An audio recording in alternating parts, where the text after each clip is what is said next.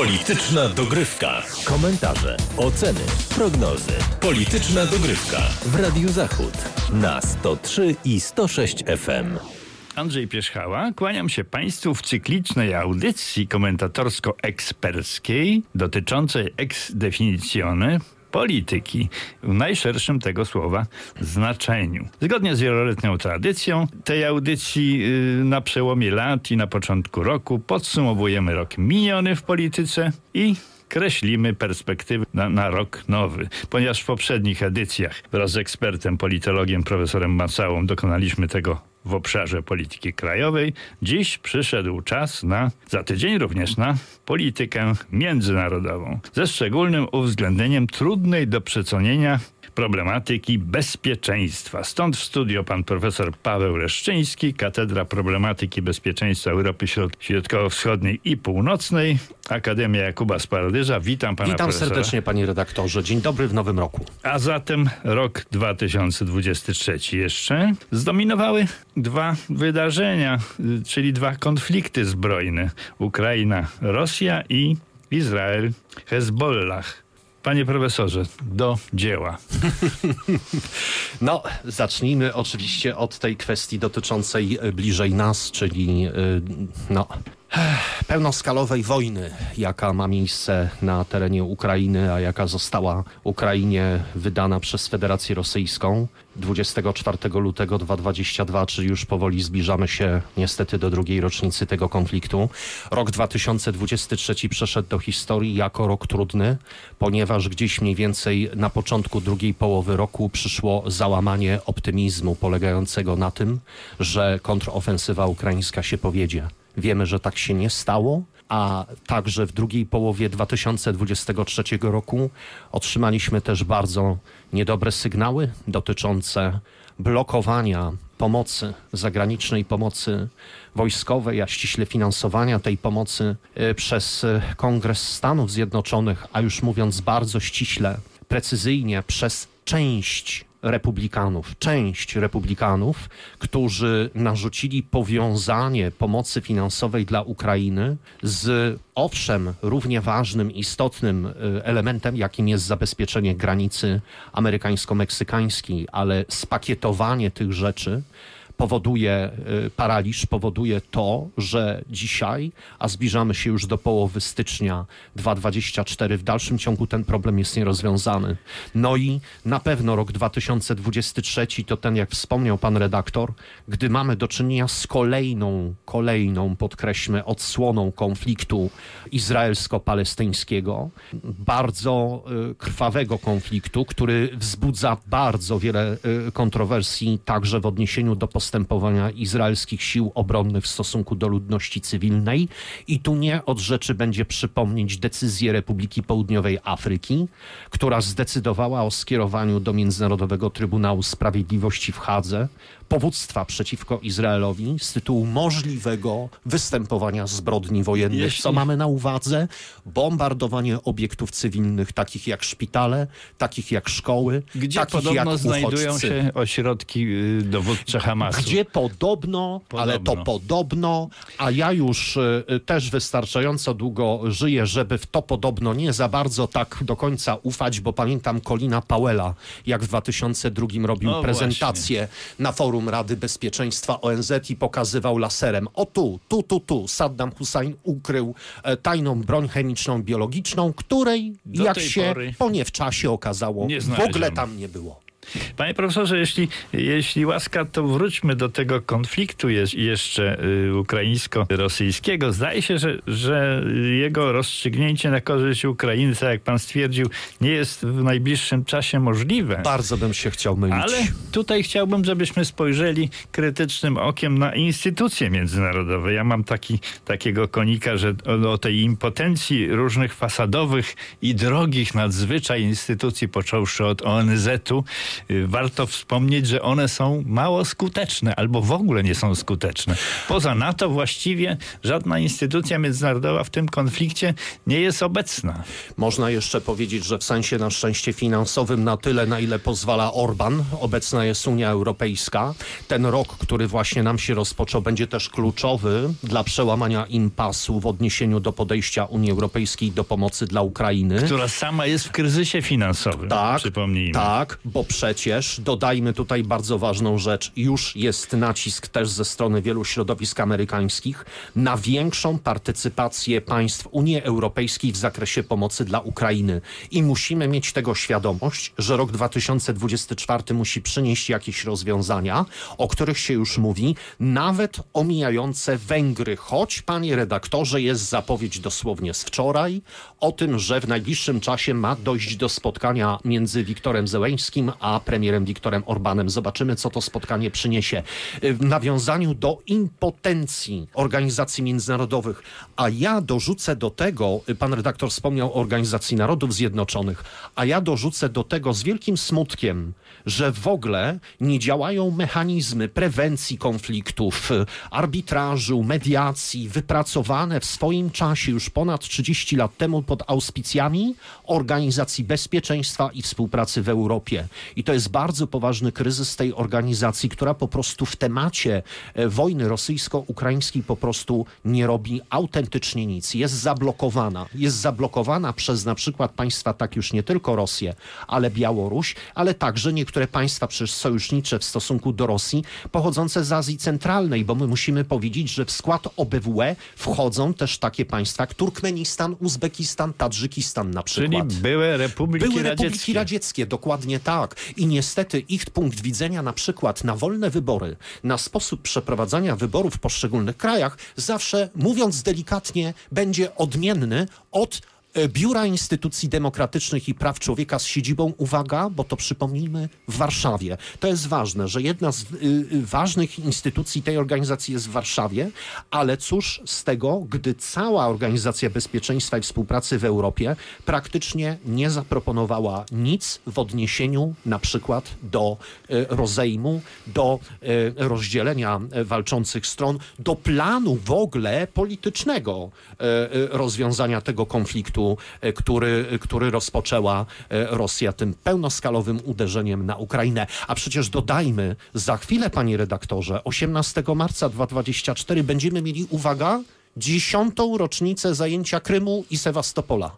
To już jest 10 lat. Zdążymy za tydzień na ten temat, jeśli pan profesor pozwoli porozmawiać, bo, bo będziemy, będziemy kontynuować tę tematykę międzynarodową i w sensie y, przyszłości. Ale wróćmy jeszcze na chwilę na, na Bliski Wschód, y, bo tam y, sytuacja też nie zmierza do jakiegoś roz, y, rozstrzygnięcia jednoznacznego. Naturalnie i stale istnieje ryzyko rozlania się tego konfliktu na teren Libanu, ponieważ e, tak się... No, Liban zawsze był doświadczony w tych różnych konfliktach. Okrutnie, okrutnie. Tu nie ma nic Okrutnie. nowego. że tak, jest. Powiem, to, to jest bardzo, bardzo, bardzo smutna historia, ponieważ Liban już krwawił w latach 1975-90. 15-letnia wojna domowa i przypomnijmy, panie redaktorze, bardzo złożony kontekst Libanu króciutko. Jedna trzecia mieszkańców to są chrześcijanie, głównie chrześcijanie maronici. Jedna trzecia to są muzułmanie sunnici. Jedna trzecia to są muzułmanie szyici zerkający zawsze w stronę Teheranu, w stronę Iranu.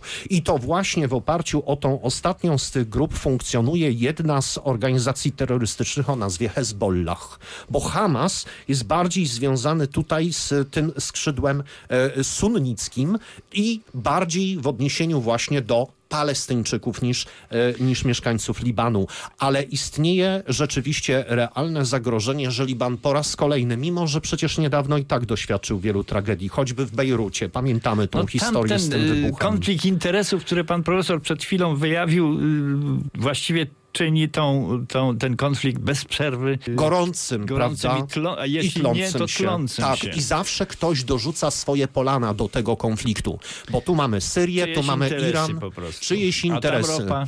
E, No właśnie, a też prawda jest taka, że e, Liban zawsze miał geopolitycznego pecha, bo jak nie Francja, to Wielka Brytania, Turcja, e, można wymieniać naprawdę historycznie od czasów Fenicjan. Areną ścierania się różnych, różnych interesów, interesów. Od, od y, Dokładnie. lat. Od tysięcy lat tak naprawdę. Oczywiście wielkich supermocarstw ubiegających się o wpływy, jak to mówiliśmy w Lewancie wtedy, historycznym Panie Lewancie. Profesorze, jeszcze kilka minut nam zostało. Chciałbym, żebyśmy spojrzeli szerzej nieco na, na politykę międzynarodową, bo tutaj oczywiście największy, najważniejsi gracze to Chiny i Stany Zjednoczone. Y, W tle oczywiście Tajwan, gdzieś tam się pojawia y, Rosja, gdzieś tam się pojawia Korea Północna i Południowa. Jak to właściwie wygląda, jaka jest, jak, jak to było w ubiegłym roku? To zacznę, panie profesorze, od najnowszego form... y, panie Nie redaktorze, jestem profesorem na szczęście, może na ale z tytułu życiowego doświadczenia i wiedzy myślę, że słyszeć. myślę, że się niewiele pomyliłem. Y, Panie redaktorze, zacznę od najnowszego, najświeższego formatu, jaki rok 2023 przyniósł w relacjach Stany Zjednoczone, Korea Południowa i Japonia. Nazywa się to formatem Camp David. W słynnej rezydencji prezydentów Stanów Zjednoczonych, gdzie onegdaj trwały negocjacje w 78 Pokojowe. 9 pokojowe między Jimmy Carterem, Amenahenem Beginem i Anwarem Sadatem, spotkali się przywódcy Stanów Joe Biden, Korei Południowej e, oraz Japonii, e, premier Fu, Fumio Kishida i zdecydowali o stworzeniu stałego mechanizmu konsultacji w dziedzinie bezpieczeństwa,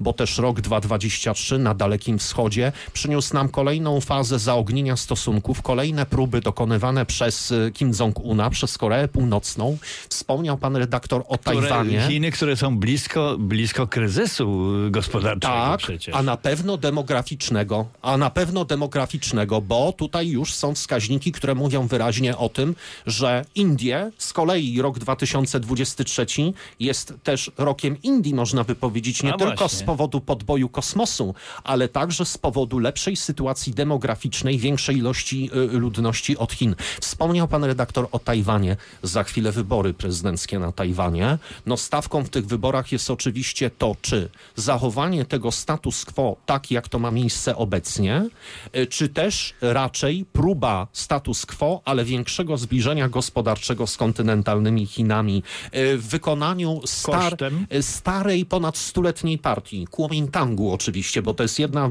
z najdłużej w sumie funkcjonujących partii na świecie tak naprawdę, y, przez Chiang Kai-sheka założona, ale kosztem Oczywiście właśnie, to jest dobre pytanie kosztem. Kosztem na pewno pewnych mechanizmów y, y, wolnościowych i demokratycznych, co widzimy w Hongkongu. Co No właśnie. zostało z Hongkongu? Miały być dwa państw, y, jedno państwo, dwa systemy na przeciąg 50 lat, a już po dwudziestu paru latach, tak naprawdę w 2019, ten mechanizm został całkowicie zdemontowany. Jedno państwo, jeden system, tylko tak z drobnymi, tylko jeszcze koncesjami w niektórych obszarach typu wolność religijna, na przykład w Hongkongu, No, istotna która, która jest bardzo ważna w przeciwieństwie do tego, co się dzieje na terenie kontynentalnych Chin, bo mówi się o Ujgurach. Ale się nic nie wspomina o chrześcijanach na przykład. O podziemnych kościołach Kości- chrześcijańskich, które tak. są potężne i które są przedmiotem rzeczywiście bardzo daleko idących opresji ze strony e, Xi Jinpinga i e, chińskich władz. Panie profesorze, o Europie i jej przyszłości powiemy sobie już za tydzień, ale jeszcze y, jeden, jeden wątek, jeśli łaska, na koniec dotyczący NATO i byłego i być może przyszłego prezydenta Stanów Zjednoczonych Donalda Trumpa. Jego wypowiedź y, przyjęto z, ze zdziwieniem w niektórych kręgach, ale też ma, ma perspektywę jakąś. No właśnie, to jest bardzo trudna sprawa, że e, Donald Trump e, rozpoczął od pewnego wspomnienia e, rozmowy z Urzulą von der Leyen, gdzie dał jasno do zrozumienia, że Stany Zjednoczone jak przyjdzie co do czego, to nie przyjdziemy wam, Europie, z pomocą, bo wy nas, mówiąc tak, y, może dosłownie wydusiliście gospodarczo. Jest, y, w ogóle podobno powiedział do niej, ty jesteś mi winna ileś miliardów dolarów. Ja nie pamiętam już jaką kwotę do niej y, wtedy Ale tam to, rzucił. są, ale to są na podstawie pewnych danych. Tak, na tylko- przykład Niem, Niemcy nie, nie inwestują w, w zbrojenia w odpowiedniej Tak, pewnie to- założonej w NATO Tak, wysokości. kwoty, kwoty to na pewno. Procentową, Procentowo, tak, bo PKB. przypomnijmy, że te 2% to jest to minimum, które spełnia Polska, Grecja, Estonia, Litwa, Łotwa, y, Szwecja. y, Też wliczam Kraje jednak Szwecję. Dokładnie. pewnym sensie, Szwecję już też chcę wliczyć do NATO, mimo że dalej jest blokowana, ale jeszcze może tylko na koniec, panie redaktorze, ten mijający z kolei tydzień przyniósł ostrzeżenie głównodowodzącego szefa szwedzkiej armii w odniesieniu do tego, że sytuacja jest taka, że musimy się przygotowywać, to powiedział wprost, do wojny z Rosją. Tego w Szwecji dotąd nie było. To jest pierwszy taki głos. Biden, jeśli dobrze, a nie Biden, tylko Biden, e, głównodowodzący szwedzkich wojsk, który po raz pierwszy publicznie w ten sposób wypowiedział się, to znaczy, że jednak pewne dane po temu musi mieć. Bo Czyli od tak sobie by nie rzucał tych słów Będzie na wiatr. dotyczyła 2024 roku. I o czym następnych lat. Tak jak dokładnie. żeśmy sobie ustalili, powiemy już za tydzień. Bardzo dziękuję Również panu profesorowi bardzo dziękuję, panie redaktorze.